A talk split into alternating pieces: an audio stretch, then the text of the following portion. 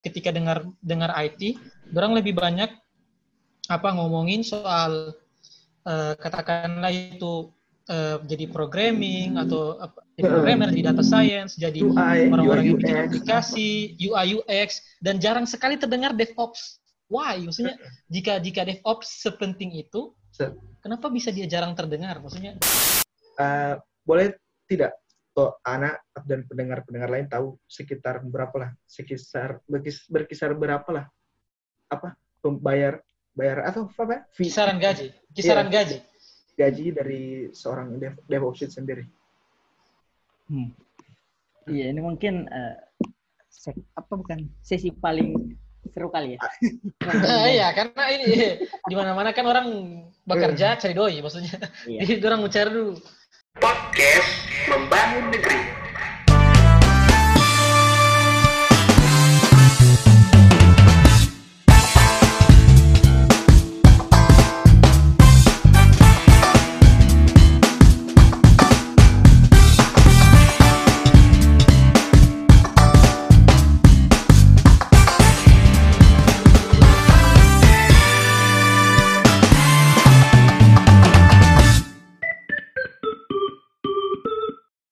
Halo semuanya, selamat datang kembali di podcast Membangun Negeri bareng gue Zai dan saya Ardito, asik. Ardito, asik. Nama kita agak lain hari ini karena kan orang. Ya, ya kali ini kebetulan kita kedatangan tamu yang merupakan apa salah satu teman SD saya, alumni Madrasah Ibtidaiyah Muhammadiyah Umi Alo. Shout out buat teman-teman di luar sana yang mungkin mendengar podcast ini. Uh, dan kebetulan karena uh, nama teman saya ini dulu sih nama panggilannya itu Haris, cuman sekarang nama panggilannya sudah berubah menjadi Ai. Just like me dari Zaiful, hmm. Ipul jadi Zai.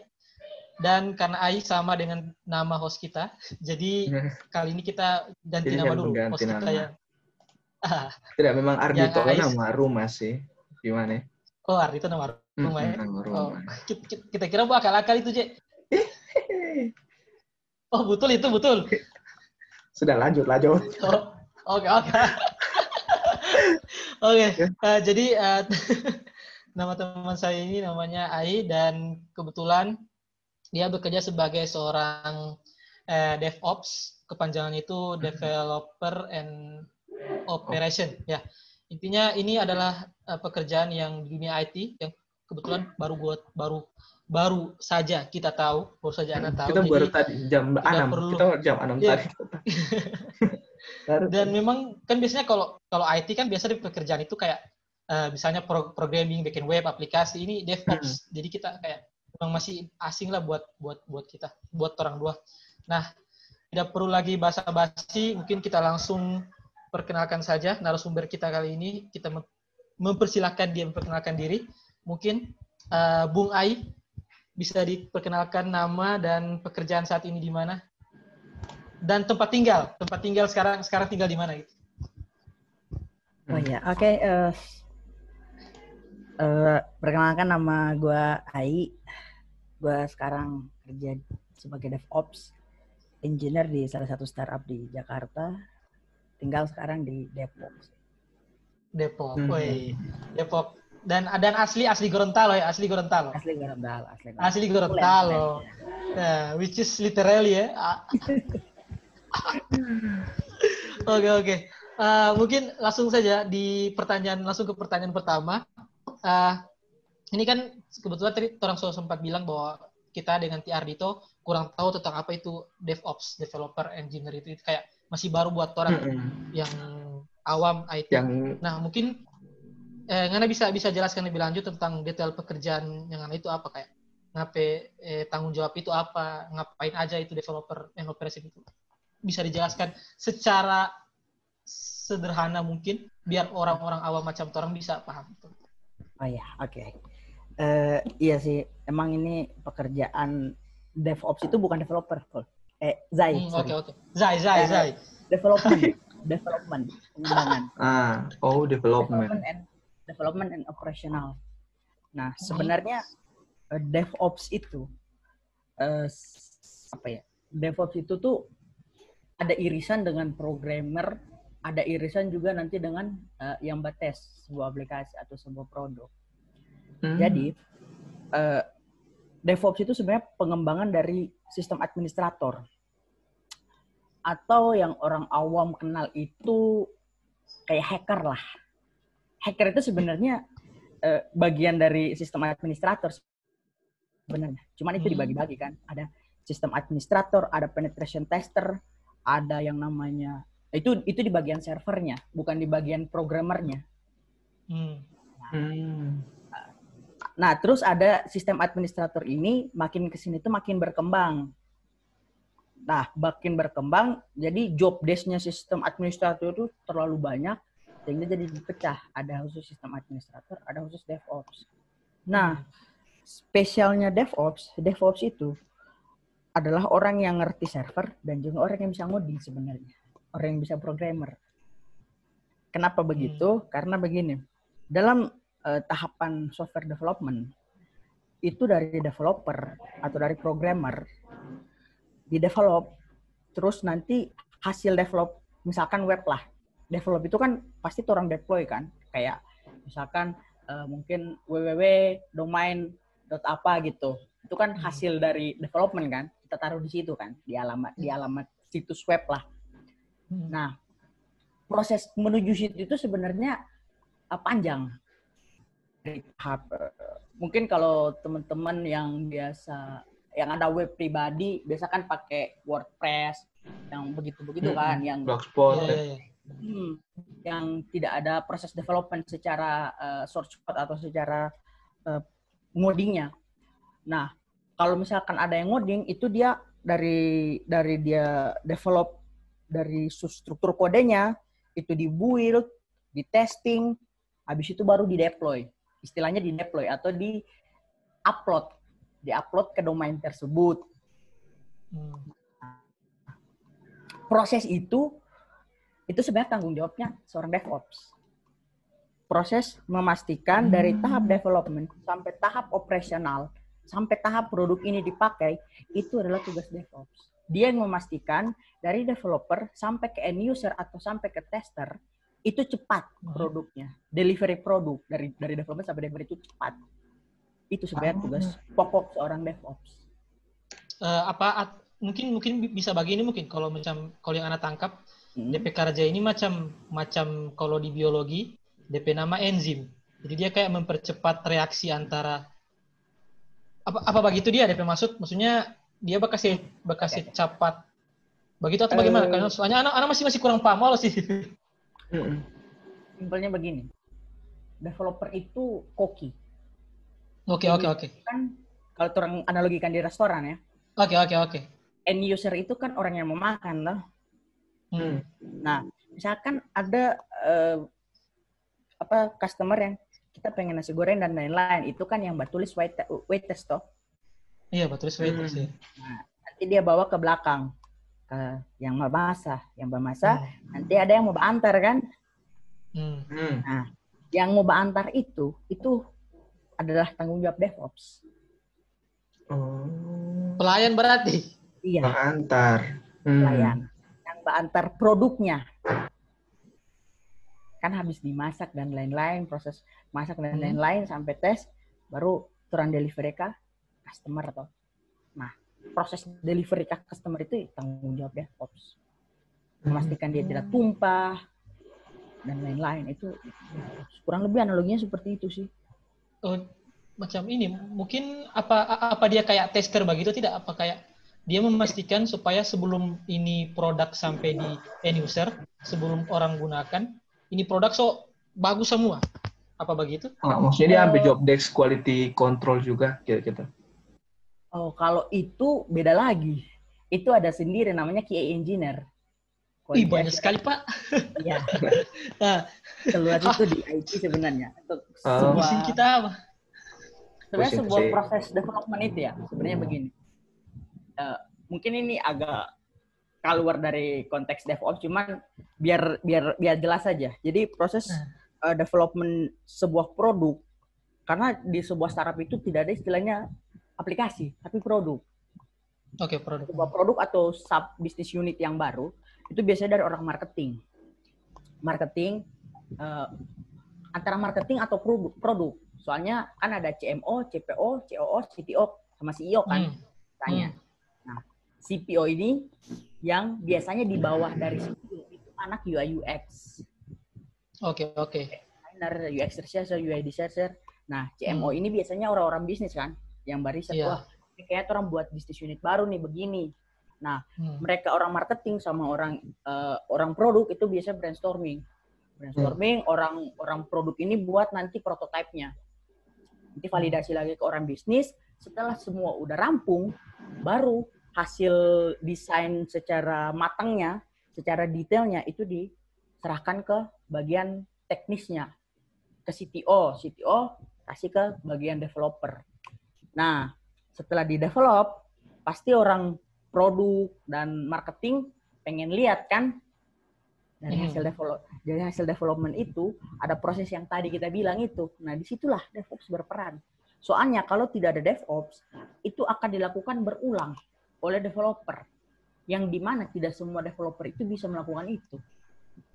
Tidak semua developer paham tentang config server dan lain-lain. Hmm. Ini memang agak susah dijelaskan ke orang awam karena ini eh, background proses sebenarnya yang tanpa disadari itu sebagai pondasi utama web itu bisa jalan. Cuman orang Dia kayak ini.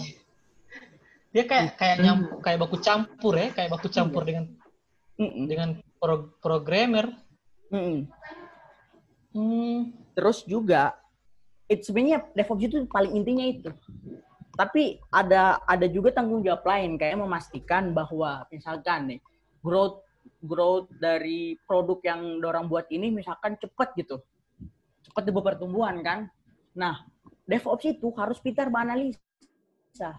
Wah, ini server harus di-upgrade. Kemampuan server ini cuma bisa batasnya bisa bisa terima request se- sepuluh ribu lah misalkan sepuluh ribu dalam satu waktu kalau tiba-tiba Hmm. user udah sampai ratusan ribu per detik nah itu DevOps harus apa namanya harus harus menganalisa di situ oh ini harus di upgrade atau oh ini harusnya pakai teknologi ini biar nanti tidak ada downtime di dalam server Hmm.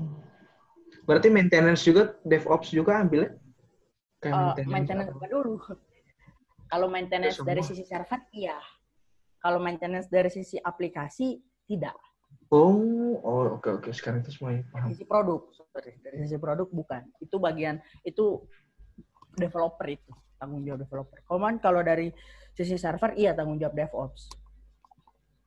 Hmm.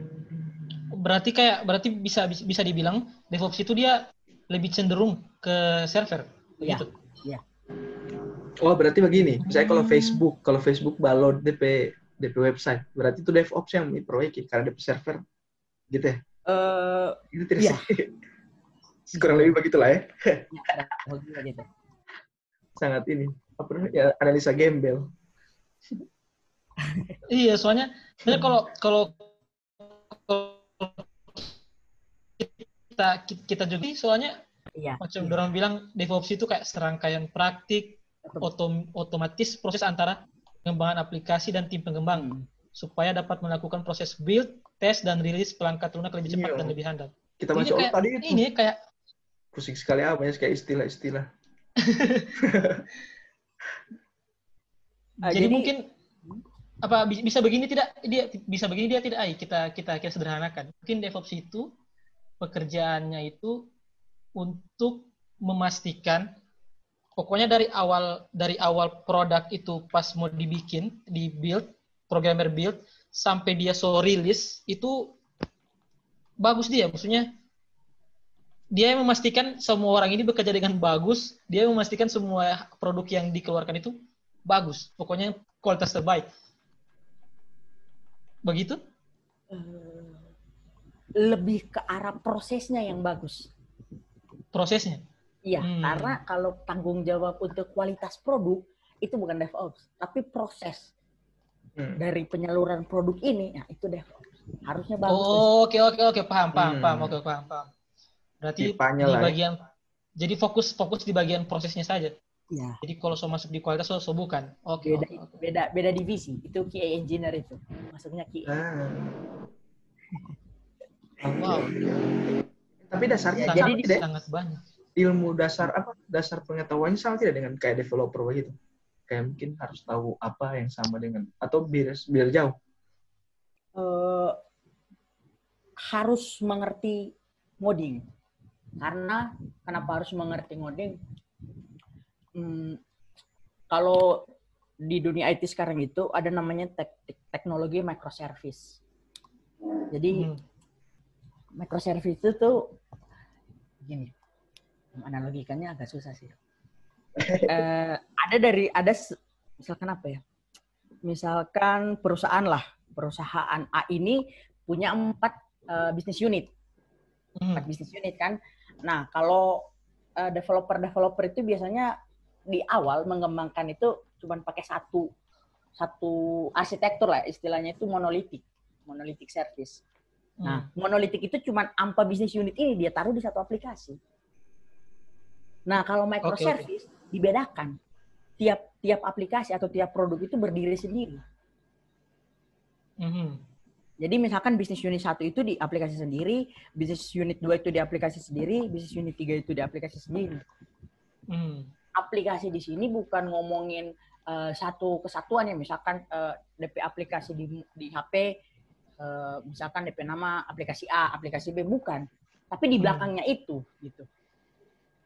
Jadi kayak Oke, mis- oke. Gojek lah, Gojek itu kan satu aplikasi kan, tapi Hmm. di dalam Gojek itu kan banyak bisnis unit, ada Ah. GoFood, ada GoRide, Iya betul ada- betul betul ada. Iya oke oke oke. maksudnya kita bisnis unit di situ itu. Nah, Hmm, itu tuh microservice. Nah, itu dipecah Hmm. jadi satu-satu sebenarnya. Di belakang ada aplikasi yang ada user interface-nya itu, itu satu-satu. Berdiri sendiri, oke. berdiri sendiri. Nah, kenapa DevOps wajib memahami coding? Nanti ketika request atau ketika misalkan orang buat tindis GoFood, bread, nah dia tindis ini, mau ke mana ini? Jadi harus mau kasih arah ke service atau ke aplikasi GoFood. Ah, oke oke Hmm. oke. Kan kan masih paham sih. Hmm. Jadi, jadi Berarti dia- dia ngerti ngoding. Hmm. Atau Berarti misalkan- kayak berurusan dengan ini juga dia ay kayak algoritma, begitu tidak? Oh iya wajib. Wajib. wajib. Hmm, hmm. Hmm. Oke oke oke, I see. Ah, kalau begitu kan berarti kan lumayan ini juga ya, ri- ribet juga tidak kalah pentingnya dia de- DP peran ya dengan Eh, developer dan ya sih Penting sekali sih. ini penting sekali ya oke kita ralat itu, sangat penting soalnya kalau tidak ada itu, misalkan nih, oke lah, misalkan CTO bisa pegang, CTO bisa pegang server dan lain-lain. Tapi ketika uh, sudah banyak bisnis unit atau bisnis unit yang semakin kompleks, terus dari sisi server tidak di-upgrade dan untuk kemampuan apa ya, mungkin CTO kan banyak apa kerjaannya banyak kan, tidak hanya ngurusin server kan. Nah, kalau Hmm. dia tidak bisa pegang itu, tiba-tiba down server, bisnis tidak jalan kan bisa bisa rugi perusahaan. Hmm. Iya Karena- betul betul betul. Core, Oh, salah I see. core paling dalam itu DevOps. Karena Hmm. Ah. itu DevOps. Hmm. oke oke oke Ah, ta- ta- tapi kenapa kenapa bisa kenapa bisa ya kalau eh, kita kita kita kurang kita kita ini kayak kurang kurang kurang apa main dengan orang-orang di IT maksudnya orang-orang yang di luar IT itu mungkin kalau ketika dengar dengar IT orang lebih banyak apa ngomongin soal eh, katakanlah itu eh, jadi programming atau apa, jadi programmer jadi data science jadi orang-orang yang bikin aplikasi, UI UX, dan jarang sekali terdengar DevOps. Why? Maksudnya jika jika DevOps sepenting itu, Se- kenapa bisa dia jarang terdengar? Maksudnya apa dia setara Voldemort yang tidak bisa disebutkan namanya ya sih eh terus eh, Oke, menarik. Sebenarnya DevOps itu baru sih. Istilah oh DevOps itu baru. baru baru 2000 di bawah ya 2000-an 10 2010-an kalau nggak salah. Oh, see. namanya sistem, sistem administrator. Makanya tadi kita bilang pengembang apa eh, kayak apa ya? perpecahan lah. Dipecah sistem administrator to dan DevOps. DevOps itu dulunya sistem Hmm, administrator dulunya. Itu. Hmm. terus terus. Eh, terus makin ke sini ya makin ngarahnya itu makin beda sekarang itu antara sistem administrator sama eh, orang DevOps. Nah, Hmm. DevOps itu makin makin mencuat itu seiring maraknya startup menggunakan cloud service seperti AWS, Amazon, iya AWS. Iya, Ah. AWS. GCP, Google Cloud Hmm. Platform, ya cloud computing lah istilahnya. Iya, iya, iya. Nah, itu itu mulai itu mulai marak itu orang-orang DevOps. Karena orang DevOps itu tidak begitu mementingkan untuk infrastruktur secara uh, fisik atau istilah Hmm. di IT namanya on premise. Fisiknya. Kalau sistem administrator itu mengurus fisiknya. Sampai dia bisa jadi cloud. Itu kurang lebih. Oke, oke, oke. Kita kayaknya semulai tercerahkan. Sampai Iya, sejauh kayaknya sum, sum, semulai Kita tercerahkan. masih, kita Karena masih baru sekali sih, kita baru dengar ini DevOps. Baru tadi jam Iya, 6. ternyata iya masih ternyata memang masih baru ya berarti intinya DevOps ini dulu dia dari sistem administra- administrator terus dipecah lagi ketika mulai marak yang namanya cloud computing jadi mungkin hal-hal yang berbau dengan server dan segala macam itu mungkin perlu dibikin spesialisasi tersendiri dan dari situ lahir DevOps gitu Bu. Hmm. Nah, nah, nah. Anyway, eh, karena karena ini kan DevOps ini kan masih masih baru kan, masih masih belum lama. Nah, bagaimana nggak sampai tertarik, maksudnya bisa jadi seorang DevOps itu? Tahu tahunya dari mana atau memang dari dulu memang so kira-kira so kayak bancang-ancang begitu mau masuk di sini? Kenapa? Oh, iya. Kenapa sampai tertarik? menarik. Eh, itu sebenarnya karena latar belakang pendidikan sih. Kan Anda lulusan SMK jurusan TKJ kan. Hmm. Tidak jauh-jauh dari Tekad tekad kami juara. Anjay. Aduh, Nora, Nora, Nora. Gak usah, gak usah respon aja, gak usah respon. dulu SMK TKJ, baru dari TKJ itu sebenarnya anak cita-cita itu pengen jadi pentes. Ya tetap bergelut di dunia jaringan lah. Apa itu pentes Makin itu? di sini tuh Apa apa tadi apa tadi? Pentes pentes. Nah, Kalau itu? hacker hacker itu eh, negasi dari hacker lah. Wow. Hacker jebol sistem kan. Hmm. jebol sistem eh, baru dia baca-acak eh cracker itu nih dia baca jebol sistem nah kalau pentes itu spesialisasinya menguji sistem keamanan jadi dia dibayar untuk menguji sistem keamanan Oh, I see, I see, I see. eh bukan negasi dari hacker itu ya hacker cuman yang yang white Iya, iya white white hacker lah gitu ya. Nah, hat. Hmm. Ya begitulah Oke, oke. pentes dulunya pengen jadi pentes karena wah jadi hari ini ya gagah dia cari-cari lobby nanti Oh iya, Hmm. sama ya. So, siapa tahu tiba-tiba sementara ada di laptop baru datang kamar FBI di rumah, wah macam di film-film tuh. terlalu jauh hal deh. Terlalu jauh hal deh ini. dulunya pengen itu terus lihat prospek eh, yang pertama aduh di dunia security itu butuh doi butuh duit uang. Hmm. karena Pak Ambil harus ada sertifikasi. Dan sertifikasi itu Hmm. tidak tidak murah di atas 7 juta. Ada yang 10 juta jadi ketika gagal terang bayar 10 juta ketika gagal angus sudah. Tidak boleh balik uang. Hmm. ya gitu. Ah ah, udah.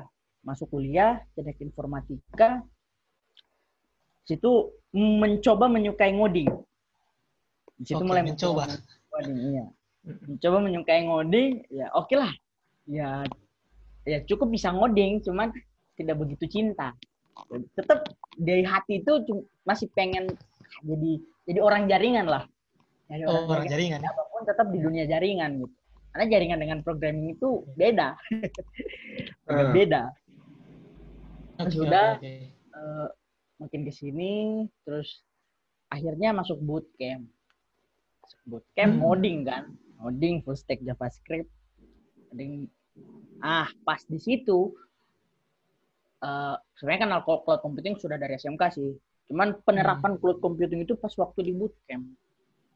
Waktu Oke. di bootcamp ada ada dapat eh, di minggu terakhir di bootcamp itu orang dia kasih kelompok nanti dibagi-bagi siapa yang back end siapa yang front end ya sebagai developer lah biasa nah Hmm. karena waktu itu Mbak Ambe back end sekaligus yang Mbak urus server gitu karena ada ya sedikit eh, ilmu lah basic ilmu dari dari SMK TKJ Ah, SMK. Hmm.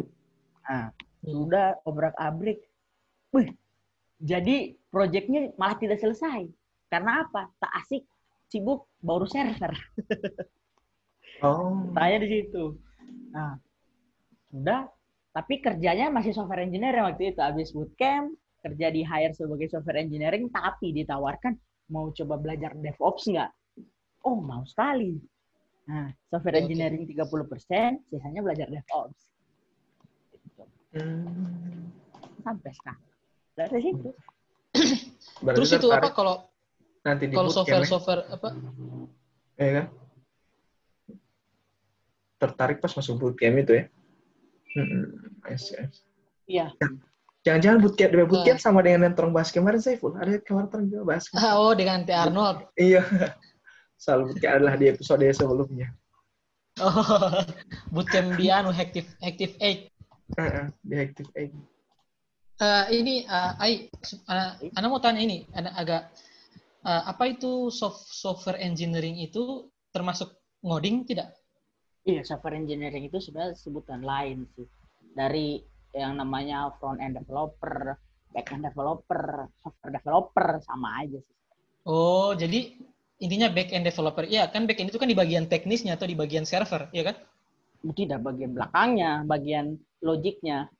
Oh, bagian bagian logic, tapi bukan bukan masuk di server, bukan masuk kayak di apa SQL eh, apa database dan bukan, bukan ya? Eh, back end back end itu dia ngurusin sebenarnya back end itu representasi dari bisnis proses sebuah perusahaan. Hmm. dan dibuatkan sebuah aplikasi di situ.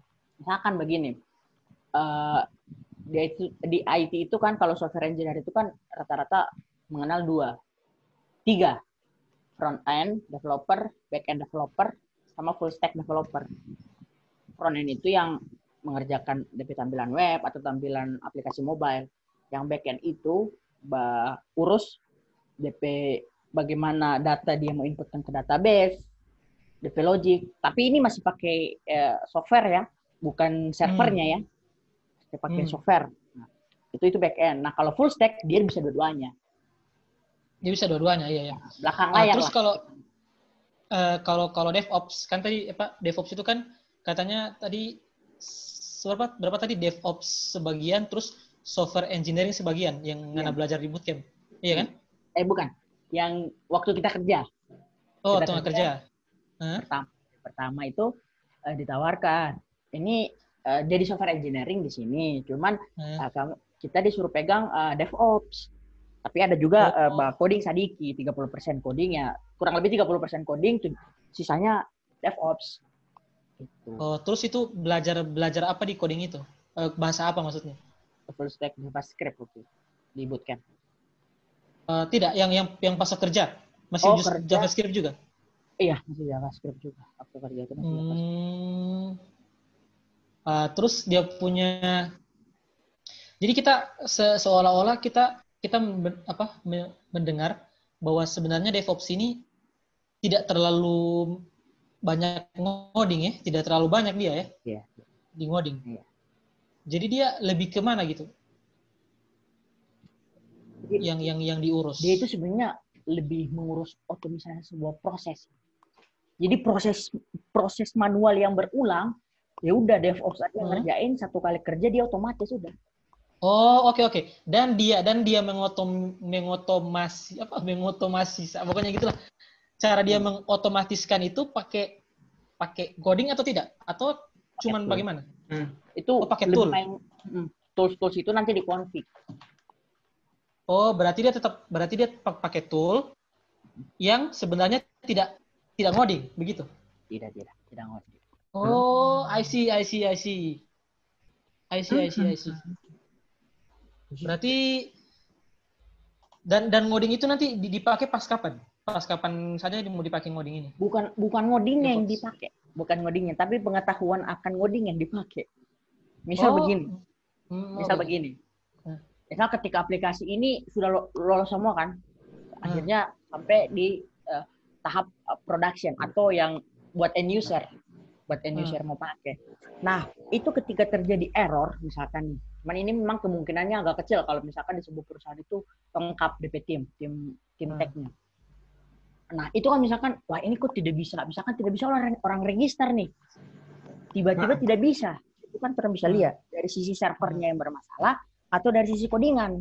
Itu kan pasti yang yang karena sudah masuk production server atau yang sudah untuk konsumsi eh, user terakhir end usernya nah itu kan yang harus cek itu kan DevOps. Nah di situ analisa DevOps di mana Nah, itulah eh, kemampuan dia ngerti ngoding itu dipakai. Wah ini kayaknya salah codingan. Ya udah bilang ke developer. Ketika salah konfigurasi di server. Oh ya udah dikerjain sekarang. Oh, berarti sebenarnya dia ini kayak kayak kalau di kalau kayak di dunia keuangan mungkin dia kayak analis begitu dia. Dia kayak analis begitu ya? Hmm. finansial analis begitu. Jadi dia kayak tidak tidak berurus tidak tidak tidak terjun langsung dengan urusan teknis coding coding tetapi dia kayak baliat oh kalau kayaknya DP salah di coding dia yang bilang oh salah di sini baru nanti orang yang programmer lagi yang bikin itu. Seperti itu ya? Iya benar. Ah sia sia sia Hmm. jadi dia kayak eh sia sia nice, nice. Jadi, Jadi Ah, bapak ah, ini dia berarti. Jadi cuma kayak bisa dibilang itu kayak cuma Bali ya. Dia cuma Bali gambaran besar. In DevOps ini Bali gambaran besar in produk-produk ini mana yang salah mana yang salah. Baru dia bikin di situ ya. Nanti kalau ada yang kalau ada yang kurang dia perbaiki kalau ada yang yang yang salah dia mau suruh ulang pak itu orang yang yang dipiksa dipiksa itu jadi kalau Ah. programming Ataupun- salah di situ ataupun kalau ada yang baru dia buat infrastruktur hmm I see, I see. ah. Oke oke oke nice nice. Pemahaman yang luar biasa baru. makin lama kita makin paham. Mungkin kita Eh, akan ke DevOps kita asik. Jangan-jangan semua jadi DevOps dari ilustrator nggak pindah jadi ke DevOps. Luar biasa. sangat-sangat jomplang. Tidak ada das. Uh, Oke uh, berhubung ini sedikit lagi semua habis ini sesi yang pertama kita skip dulu dan kita masuk di sesi kedua. Oke?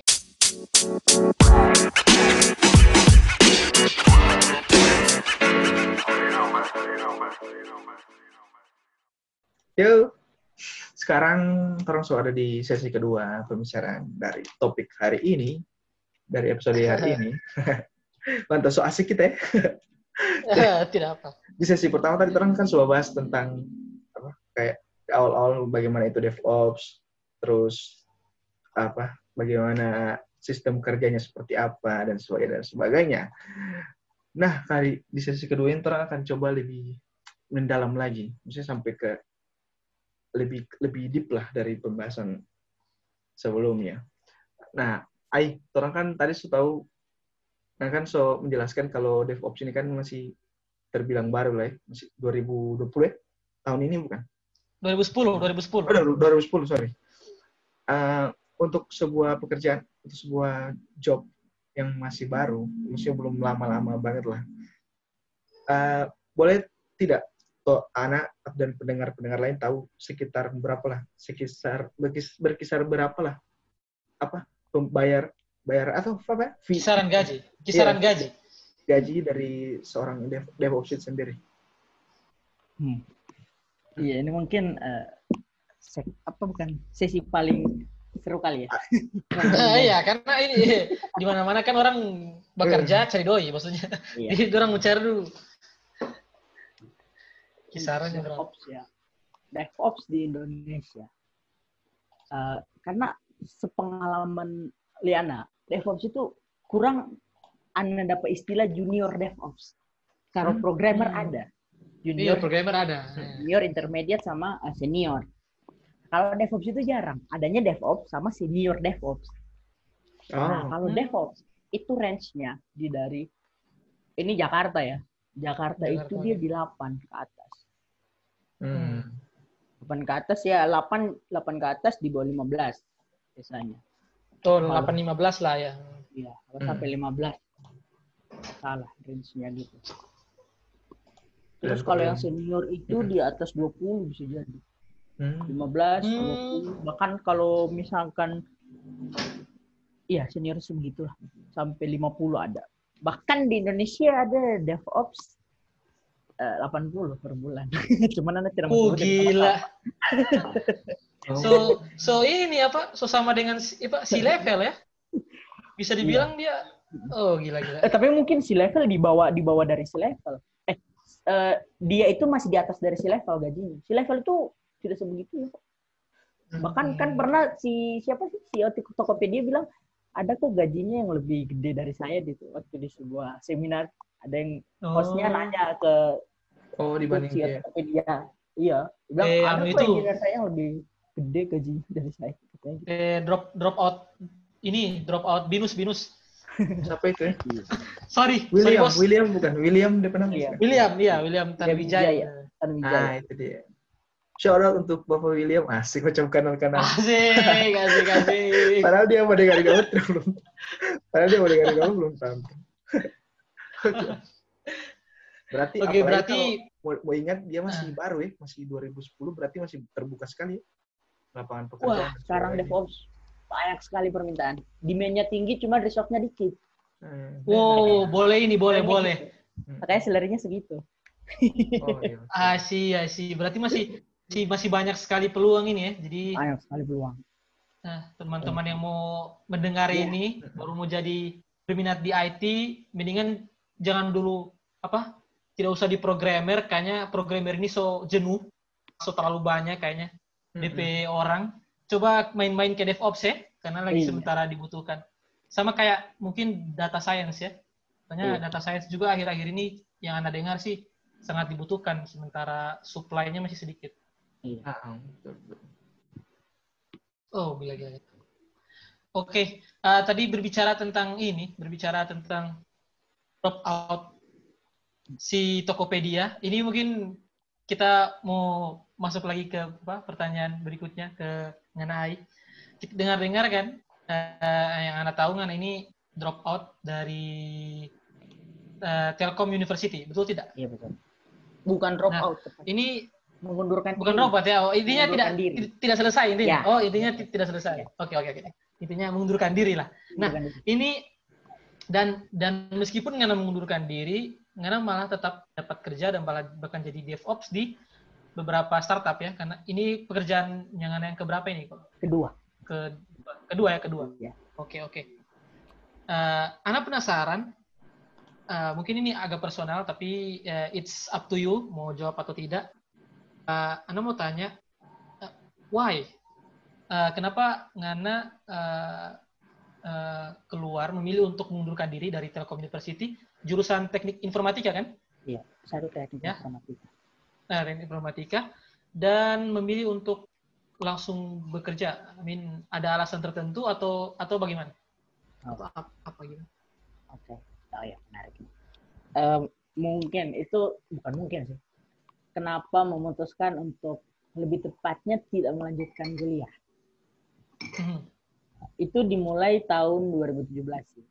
2017 itu anak dapat sakit. Oh. Anak dapat sakit divonis TB, TB paru. Ya, karena mungkin TB paru. Mungkin waktu anak di Bandung itu terlalu terlalu asik ngoding ya di Bandung kan dingin kan ya Hmm. kita dari Gorontalo yang DP panas sampai 40 kadang kan tiba-tiba di Bandung yang DP dingin begitu bagadang dulu masih waroko minum kopi Oh, sekarang so tidak ya? Tiga- tahun Oh. Oke, boleh, boleh.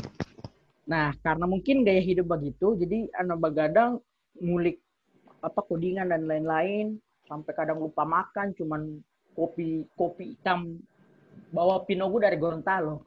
Asik. Nah, biasanya satu, satu hari tiga galas, tiga galas Wow. pahit, Oh, rokok dua Oke. bungkus. Itu dua tahun lah, kurang lebih kayak hidup kayak gitu itu dua tahun. Oke, oke, oke. Gak ada bela hidup ya? Iya, Keras, ada teknik ya? iya betul-betul ada teknik. Betul-betul ada Nah, teknik ya? Rokok 2017 kopi. tuh. Iya, rokok kopi Ah, bagadang. rokok kopi harus begadang. Hmm. Rambu gondrong. Oh tidak. Oh tidak, oh kita kira rambu gondrong. Oke, oke. 2017 akhirnya tumbang. Ini TB paru. Hmm. Ini TB paru kan, wah pengobatan TB kan lama, 6 bulan. Hmm. Pengobatan TB lama 6 bulan, ternyata pas anak pulang itu 2017 pertengahan kan memang susah sakit. Waktu itu di Bandung lagi musim hujan, terus anak sakit. Anak paksa pulang, pulang Gorontalo, sakit di situ. Eh, pas pulang itu pertengahan Ramadan kalau nggak salah, 2017. Di 15 Hmm. atau 16 Ramadan anak pulang. Nah, cuma satu hari dapat berpuasa di Gorontalo, sisanya sih sakit sampai hari raya.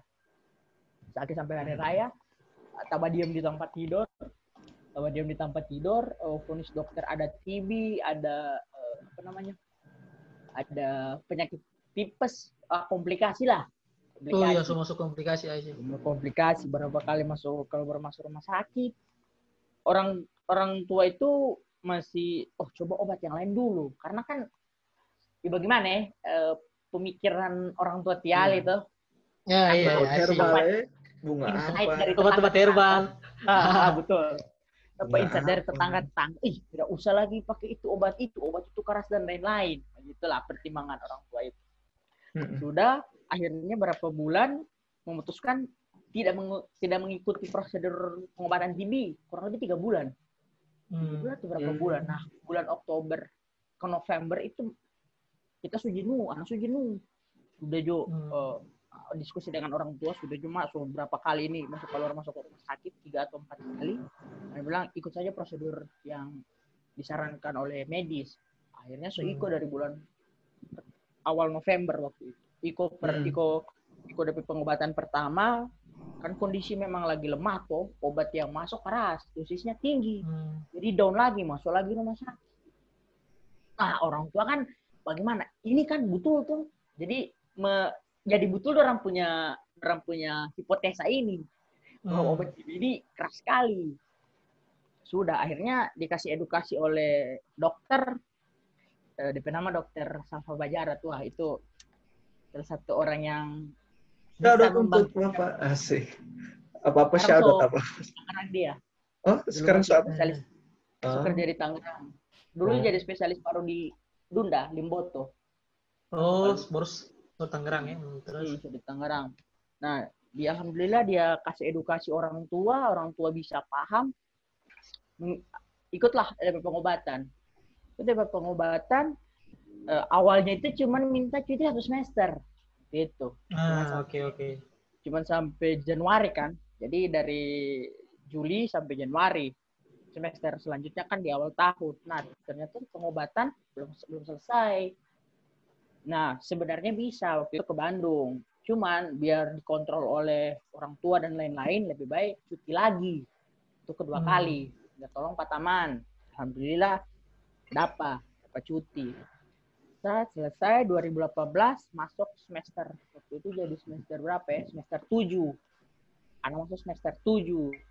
Nah, masuk semester 7, ternyata anak sakit lagi. Di pertengahan kuliah itu, 2018 Oktober anak sakit. Jadi kayak, apa ya, anak badan itu masih belum, yang pertama, pulih sepenuhnya. Hmm. ya pertama belum pulih sepenuhnya. Yang kedua mungkin faktor dosis obat yang terlalu banyak anak konsumsi. Hmm. Jadi anak badan Hmm. itu lama balik ke performa awal. Hmm. Sudah habis itu ya sudah memutuskan uh, mengundurkan diri dari kuliah. Mengundurkan diri, terus konsultasi juga dengan dokter yang Mbak pegang dari awal, katanya uh, coba jangan dulu di daerah dingin. Jangan di daerah dingin sama daerah yang berpolusi tinggi. Kalau Hmm. masih mau kuliah di luar daerah, cari yang mirip-mirip Gorontalo lah. Dokter menyarankan begitu. Sudah. Hmm. So, so musyawarah dengan keluarga eh, Ajus Deng CB. So, musyawarah eh kuliah di Jogja saja, lanjut di Jogja. Hmm. Tak ACC. 2019 awal anak ke Jogja. Kuliah. Kuliah cuma setengah semester. Habis itu, aduh, ibu begini-begini. Maksudnya, eh, eh, apa namanya? Kuliah yang anak rasa yang anak anak pikiran itu kuliah yang dapat insight yang lebih menantang lah. Terlalu Hmm. sombong katakan. Oh, Itulah, tidak, ada, Itulah gitu lah. tidak menantang ya, tidak menantang. bukan Kurang lah ya, tidak Kurang, kurang ya, kurang menurut Nganu. butuh, butuh klarifikasi tidak menantang itu karena lagi Eh, ini bukan bukan podcast di Om Deddy ini, bukan podcast iya. klarifikasi. tidak menantang itu karena begini. Sotat Kan- Om Botak. Karena kan anda mengundurkan diri toh. Jadi anak dapat transkrip nilai. Nah, Oke, oke. Anak P transkrip nilai itu satu semester dia buang. Dorang tidak terima, Oh. tidak ekivalen dengan eh, apa kurikulumnya mereka. Eh, Hmm. bukan kurikulum, apa namanya eh, mata kuliah mereka. Nah, jadi kayak satu semester itu mengulang eh, mata kuliah yang super anak ambe dan malas kan jatuhnya. Iya, ulang-ulang ya. Nah, Hmm. itu itu yang bikin tidak tidak tidak menantang karena aduh ini anak sudah bakar kuliah dulu. Nah, di situlah sudah ah udahlah cari kerja Jo. So, bolehlah modal ilmu dari Telkom. Oke, Aduh, Telkom. iya, gambling boleh, dulu.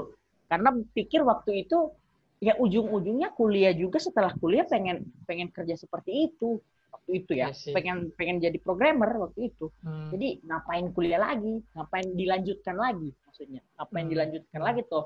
Kalau misalkan tujuan selesai sarjana sudah bisa dapatkan sekarang, kenapa enggak? Hmm. Lagi kesempatan see, terbuka gitu. Hmm. Sudah habis itu eh, pikir oh iya masuk bootcamp mungkin bisa jadi jalan di bootcamp. Eh, ya sempat jadi perdebatan lah di awal nih namanya orang tua kan. Cuman anak saya yakin bisa mah bahas segala macam. Ini ini ini ini pekerjaan yang tidak menuntut harus sarjana. IT itu kan tidak menuntut Hmm. sarjana. Cuman beda cerita kalau Hmm. IT di BUMN. Hmm. Hmm.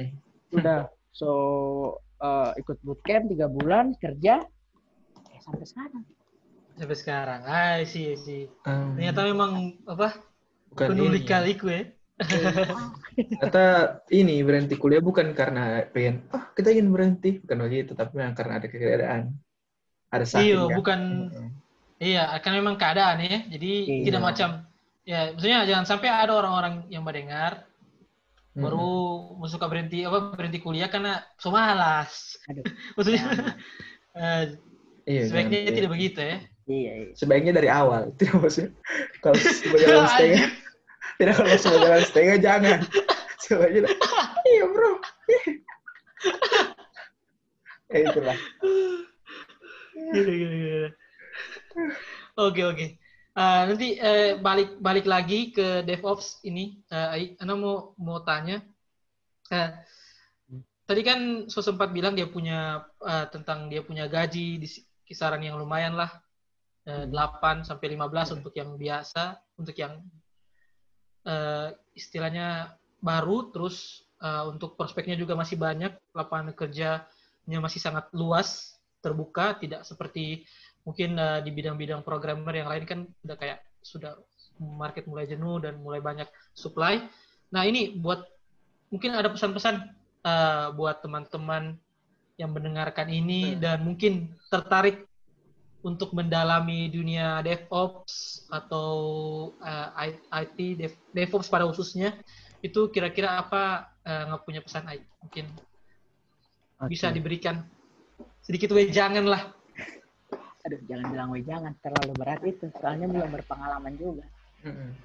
Eh, mungkin yang pertama dari Anda harus suka, harus hobi. Karena eh, kerja DevOps, programmer, kalau kita milih bidang, kalau milih di swasta, pressure-nya luar biasa. Tekanannya luar biasa. Kalau tidak hobi, aduh, mati tidak stres. Itu yang pertama, harus. Wah, tidak stres Iya, oke oke harus suka karena eh, rata-rata anak teman-teman itu suka rata-rata anak teman-teman itu memang suka ngoding dia suka ngoding Hmm. jadi ketika ada pressure yang apa yang yang gede itu yang besar itu orang jadi rasa itu tantangan bukan pressure lagi karena memang hobi Itu Eh, mungkin kalau mungkin bisa bisa bisa ngajelaskan DP pressure pressure itu kayak apa supaya Oke. orang yang mendengarin tahu kayak pressure pressure di dunia DevOps itu bagaimana? eh, mungkin lebih lebih umum kali ya Zai di di, Hmm, di- Oke oke. Di programmernya, di programmer sama DevOps-nya. Itu kalau kalau programmer itu kan dituntut kayak misalkan sebuah startup itu pengen founding misalkan. Nah, pengen founding sudah dapat nih investor. Nah, kan investor itu pengen A, B, C, dan D. Yang di mana itu menuntut eh, bagian teknisnya yang harus cepat bergerak. Biar ini investor tidak lari. Ya otomatis si level itu pressure-nya ke orang tech Hmm, gitu kira-kira. Jadi eh, pokoknya ya kayak misalkan gini, ini aplikasi ini agak mustahil dua minggu, tapi investor minta satu minggu. Nah, pusing kan? pusing pusing pusing. Nah, karena ya orang mau apa namanya? Orang mau bantah investor, bukan mau bantah, mau kasih insight pun, kadang investor itu tidak mau, pokoknya harus begitu. Nah, Iya, karena persaingan juga ketat di dunia teknologi Iya. ketat sekali Iya. Nah, seperti itu. Kalau kalau khusus DevOps ya, atau mungkin khusus DevOps kasusnya seperti ini. Eh, misalkan eh, kan tanggung jawab DevOps itu kan besar sekali dong. Misalkan ini sebuah arsitektur eh, infrastruktur dari sebuah startup ini kurang harus pecah secepat mungkin dan tidak boleh datanya hilang. Misalkan begitu. Karena untuk eh, kebutuhan misalkan untuk kebutuhan nanti eh, misalkan ada bisnis unit baru, orang punya arsitektur secara server itu sudah lebih bisa beradaptasi dengan lebih cepat. Skalabilitasnya itu sudah bisa lebih bagus. Itu kan sebuah pressure dan orang harus memikirkan bahwa aduh, ini dia ini kalau kita salah rugi perusahaan itu. Isinya begitu sih rata-rata. Jadi harus hobi itu yang pertama kalau dari anak. Nah, mungkin yang kedua mau belajar sendiri. Oh, oke. Eh, kenapa mau belajar sendiri itu yang jadi yang kedua? Karena rata-rata di dunia IT itu orang eh, belajar hal-hal yang sangat baru dan orang harus cepat beradaptasi dengan teknologi yang baru. Oh, Kalau tidak, orang terlambat. Kalau tidak, orang di ya udah di cut, lay off udah. Karena tertinggal tidak ya. mau belajar. Iya, tidak mau improve diri. Iya, ini juga- ini sama sama sama dengan yang kema yang waktu itu di episode dengan Arnold itu katanya juga memang teknologi ini cepat sekali kayak bahasa pemrograman dari yang sebelumnya cuman ada C, C++, sekarang semua mulai ada yang baru dan yang banyak digunakan. Eh. Ya. Berarti memang presusnya sangat sangat besar ya. Iya. Memang harus berani belajar sendiri, harus mau Hmm. mau belajar sendiri. Mau, mau belajar sendiri. Hmm. Terus ketiga itu suka ngoding. Kembali lagi ke Intinya harus problem solve. mencintai ya. Iya, problem solve problem ya. solve. Penting sekali itu. Hmm. Ya problem Jadi- solve itu kan akarnya kan dari critical thinking. Aha. Oh, betul. Jadi harus punya berpikir kritis yang tajam. Hmm. Iya. Itu sih. Ya mungkin tiga itu sih menurut Anda. Ya, jadi Berarti pertama harus hobi, pas- hobi harus passion, Passion, hobi passion. passion, ya istilahnya passion di ngoding. Terus yang kedua apa? Mau belajar belajar. sendiri ya, Mau belajar mau sendiri. improve, mau improve kan? Mau improve karena Oke, Eh. terus yang ketiga tadi apa? Apa yang ketiga? Ini problem solve. Problem problem solving ya. Hmm. Ya harus punya kemampuan memecahkan masalah ya. Bukan buat tambah masalah. Buat tambah Iya. masalah nggak dia layoff kan? Iya. Iya. dia asyik. Oke, oke, oke, oke. Sudah. Jadi terang so sudah hampir di penghujung episode hari ini. Asik. Ah, sangat banyak sekali informasi. Kita kita baru kita Informasi baru. tahu karena kita baru tahu oh ini apa? Ini apa namanya tadi? DevOps ini. Baru DevOps ya. jam 6 sore. Dan Dan karena- ternyata merupakan pecahan dari sistem administrator. Ji. Mm-mm, dan Kita baru tahu asli. Banyak banyak ilmu baru yang kita dapat. dan malah penting ini lebih penting maksudnya penting tidak kalah penting dengan istilah-istilah yang orang pernah kenal sebelumnya kan UI UX ternyata ada lagi satu hal yang Hmm. DevOps ini yang punya peran penting oh di di program lah programmer gitu ya ya kan tidak sih Hmm. kita malah insecure sendiri ya. oke eh, seperti biasa di ujung episode biasa terang wrap up dulu Ya. episode up dulu. ini seperti apa mungkin dari dulu Zaiful Oke, eh, mungkin kalau dari anak untuk kesimpulan dari episode ini, pertama yang mungkin anak bisa dapat bahwa DevOps ini merupakan profesi yang eh, bukan bukan benar-benar baru, tapi eh, istilahnya merupakan perpecahan dari yang sebelumnya sistem administrator dan ini apa masih banyak sekali peluangnya. Jadi kalau buat teman-teman yang mungkin tertarik di dunia IT, monggo bisa ngecek-ngecek mulai dari sekarang tentang apa itu DevOps dan lihat karena berdasarkan apa yang Ai bilang tadi ternyata prospeknya ke depannya itu banyak prospek kerja di masa depan itu masih lumayan terbuka luas, terbuka lebar. Dan untuk gajinya juga lumayan ya, dari 8, 15, terus yang untuk senior bisa sampai eh, 20, bahkan ada yang sampai 80 ya. Setara, setara si level ya, setara.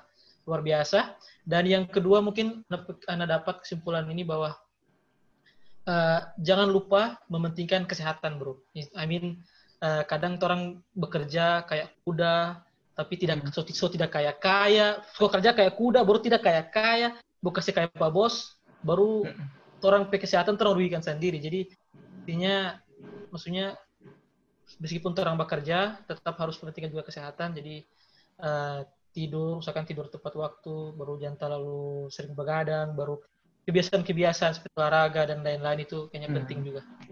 Nah, dari kita hmm. itu sih.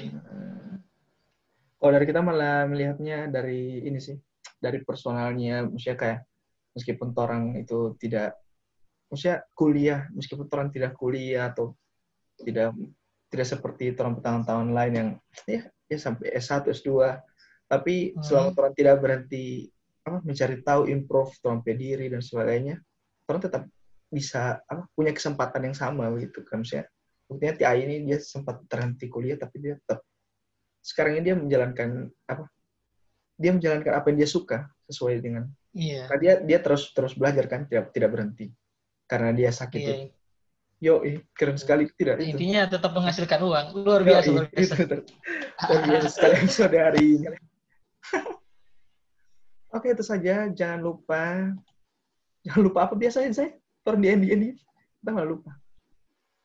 Jangan lupa follow podcast Membangun Negeri di Twitter dan Facebook PMN, at PMN GTLO dan buat teman-teman yang ingin mendukung channel PN, PMN bisa traktir kami berdua kopi di platform traktir.id ada di deskripsi. Uh, uh, buat teman-teman sebentar, buat teman uh, teman-teman mungkin uh. ada yang uh, bentar uh, buat Ai, uh, uh, mungkin ada yang mau dipromosikan? Oh betul betul Ai, betul. Uh, akun media sosial. Kita masuk lupa itu. Oh, iya. Kalau atau mungkin ada sesuatu bisnis yang mau dipromosikan bisa? Oh. Mm -hmm. Ya kalau akun media sosial mau tanya-tanya mau DM ya bisa di Instagram. Kalau mau lihat uh, beberapa insight-insight tentang DevOps itu ada di Medium, medium.com slash @ayangio. Mungkin di situ ada beberapa uh, sharing-sharing ilmu dikit lah tentang DevOps itu ada di situ. Eh, jangan-jangan yang kita buka, kalau, yang kita baca tadi nggak punya? Kita tadi membaca-baca soal DevOps di Medium. mungkin. Uh, mungkin kalau kalau Insta, Instagram di apa? Di at, at Ayangio. At Ayangio sama ya, berarti nah. Medium dan Instagram sama at AYI Angio. Iya, Angio. Ya. Itu saja okay. episode hari nah, ini. Terima kasih ini, buat uh, teman-teman yang banget ya. Sudah mau mendengarkan. Thanks banget buat Thanks banget buat thanks siapa buat Ai. Ai. Uh -uh. Terima kasih Sama banyak atas waktunya. Thank you juga Zaiful. Selain itu. ya, terima kasih juga untuk Moni dua juga sama Saiful coba kasih wadah anak untuk ya membagikan sedikit pengalaman yeah. tentang I see. I see, I see, I see. Ah, sama-sama. Terima kasih banyak ya. Ya, sama-sama, bro. Bye-bye. Bye-bye.